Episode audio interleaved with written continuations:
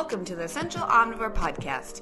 I'm your host, Lucia Hawley, and I'm here to help you take the fear out of food, one bite and one conversation at a time. From guest interviews to the gooeyest of details about your guts. I hope you'll join me in creating space around the subject of our bodies and just what they might be telling us when we slow down and listen closely. Remember that the information provided within this podcast is for general information and educational purposes only and does not provide medical advice, professional diagnosis, opinion, treatment, or services to you or any other individual. If you've been following along on this conversation, with this conversation for a while, you might know that I am anti dieting culture.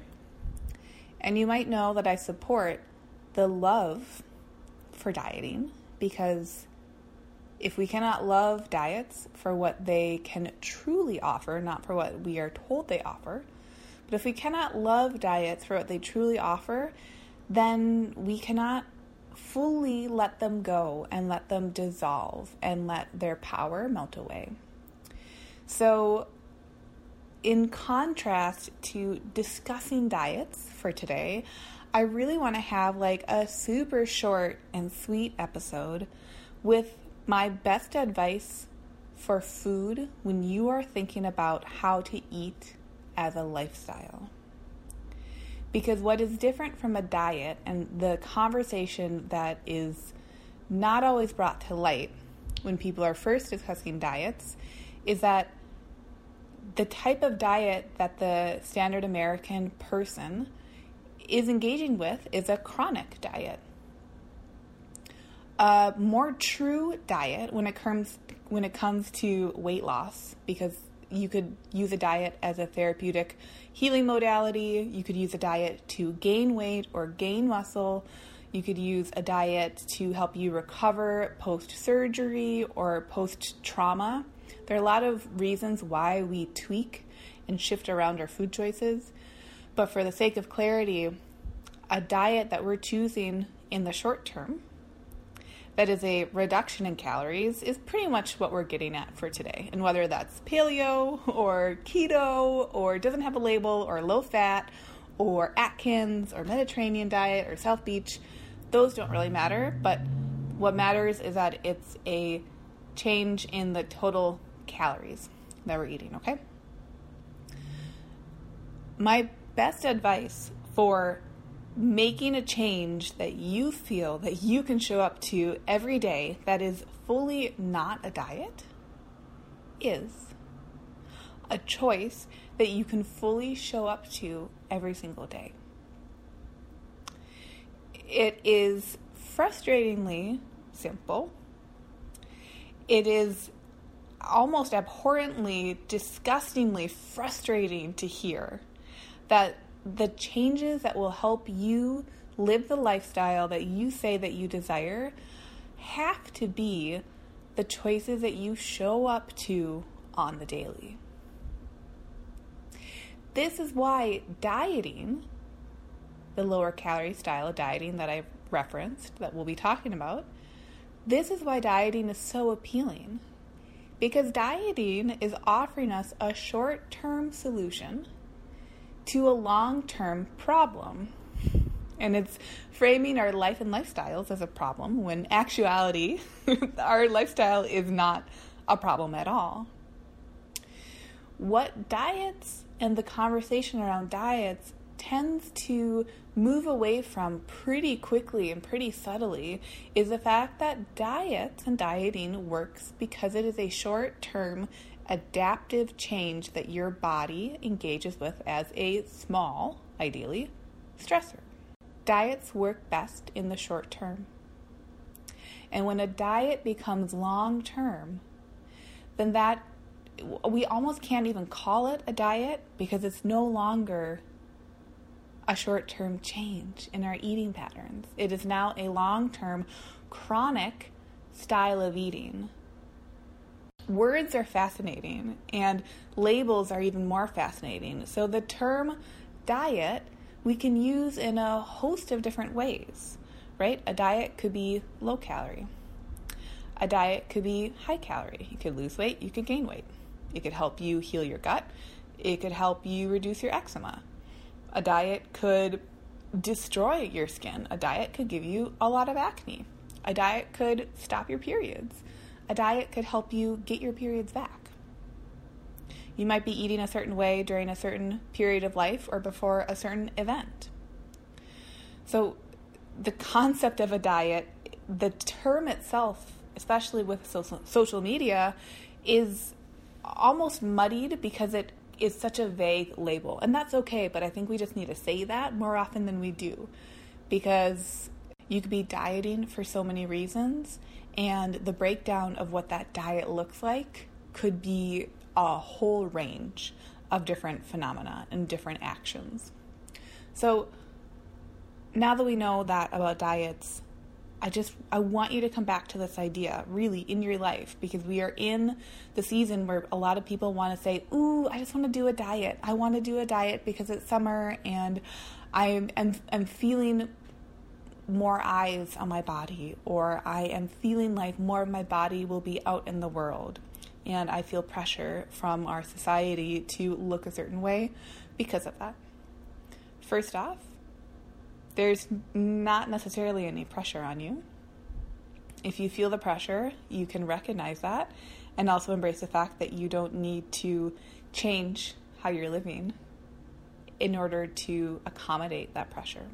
I just want to say that off the bat. So, because diets work best in the short term,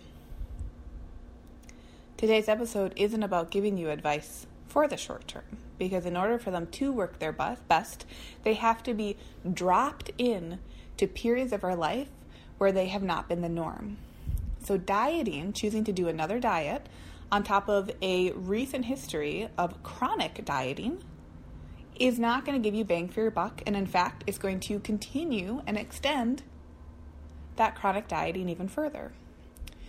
So, in order to move away from the dieting mentality and mindset, I think one of the most powerful things we can do is ask ourselves, what is a change? Because if you're if you're asking this question, you are seeking a change, and that's great. Change is awesome. What change can I allow myself to make and show up to every single day for the rest of my life? This doesn't mean you have to do it every single day for the rest of your life, but how do your decisions change when you approach your food intake, your body, your wellness, your mindset, your love for yourself from a place of what you could show up to every single day for the rest of your life versus what you could do for a short amount of time to the extreme. And that's why diets are really exciting, right? Because it's a short term commitment. And that's why the question of showing up to lifestyle changes is so not inherently sexy. Who wants to really change their life? It can sound cool and it can sound intriguing, and we can feel like we want to do the fast track to it, right? The shortcut, which is what a diet says it is. And a diet could be if it's used appropriately, but that's a subject for a different podcast. But if we start to flip the script ourselves and we say, okay, I recognize that I'm seeking a change. That's why I'm feeling intrigued by these diets. That's why I'm feeling intrigued by short term plans that offer a change.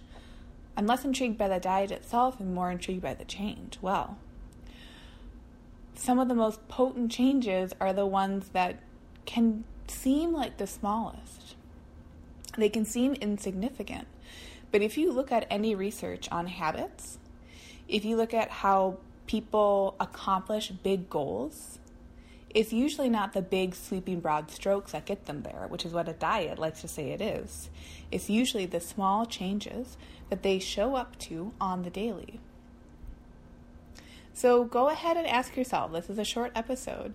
Take some time take some time right now, jot down in your notes app, on a piece of paper, on your computer, get it down somewhere. If you really say you're seeking to have change in your life, think of one change and allow it. Just let it be small. seemingly small. Allow it to start today. What will your life look like if you choose to make a small habit, a habit that is small enough to be actionable and repeatable every single day for the rest of your life? Can you choose to make that change now? And if it feels like like if you get in your head about it and you're like, "Oh, this is a small like I'll take my supplements all day every day for the rest of my life. That's small." And you do it for 5 days and you get burnt out can you hold off on the judgment and recognize that it wasn't small enough? Maybe your change has to do with drinking water. Maybe it has to do with stepping outside into the sunshine. Maybe it has to do with petting your dog. Maybe it has to do with the number of hugs you offer to people each day in your family or with friends or loved ones. If you think that any of these actions do not come back to food and nutrition, oh boy, I gotta call you out and say, I don't quite align with that. Because every action that you take in your day can be influenced by food, and you can influence your food with it. Because you are one human in your life, and as soon as you wake up in the morning, your actions and choices all play out with a big ripple effect on one another. Our world loves to, our culture absolutely adores to break down and compartmentalize how we navigate our days. They really like to do that. I think we have a lens in the United States of America that is Western, right? And it loves the individualistic ideals that it purports forward. That's awesome. But it can I think it can go a little bit to the extreme where in science and in medical fields we break our bodies down into their organs and we look less at the systemic relationship of all the organs. We break away our bodies from our minds and we forget that our minds are housed in our bodies and that they work in concert together and that they're meant to work together. So, when you are thinking about making a change or you're thinking about doing another diet, can you A, respect your desire to do the diet? B, if you've done a lot of dieting before, can you hold off on that extreme change? And C, can you sit with yourself for a moment and ask yourself, what is the change that I could make today that I could continue for the rest of my life with ease? That would contribute towards what I'm saying a diet would give me. Because I am telling you right now, if you make that change, that is how your life and your lifestyle and your day to day experiences improve. And improvement is not binary. Improvement really only works on a scale and spectrum that is based on upon you and your needs. So, improvement is actually, ironically, very individualistic in this case. Improvement is not saying I'm going to be the best person because it's the best thing to be the best, right? Whatever, that's tiring.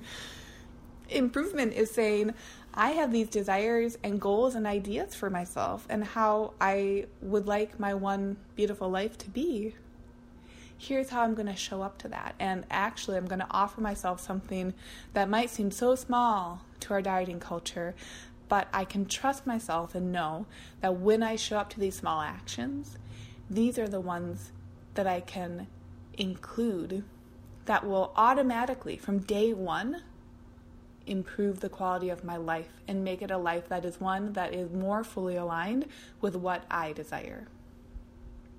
So try that out this week. Let me know how it goes. And uh, you might be really, really surprised. You might be really beautifully surprised that you have every right and ability to make that change as of now and today. That's how your life changes. Hey, thanks so much for joining along on today's episode. For full archives of past episodes, hop on over to essentialomnivore.com or subscribe to the Essential Omnivore podcast on Apple Podcasts or Stitcher.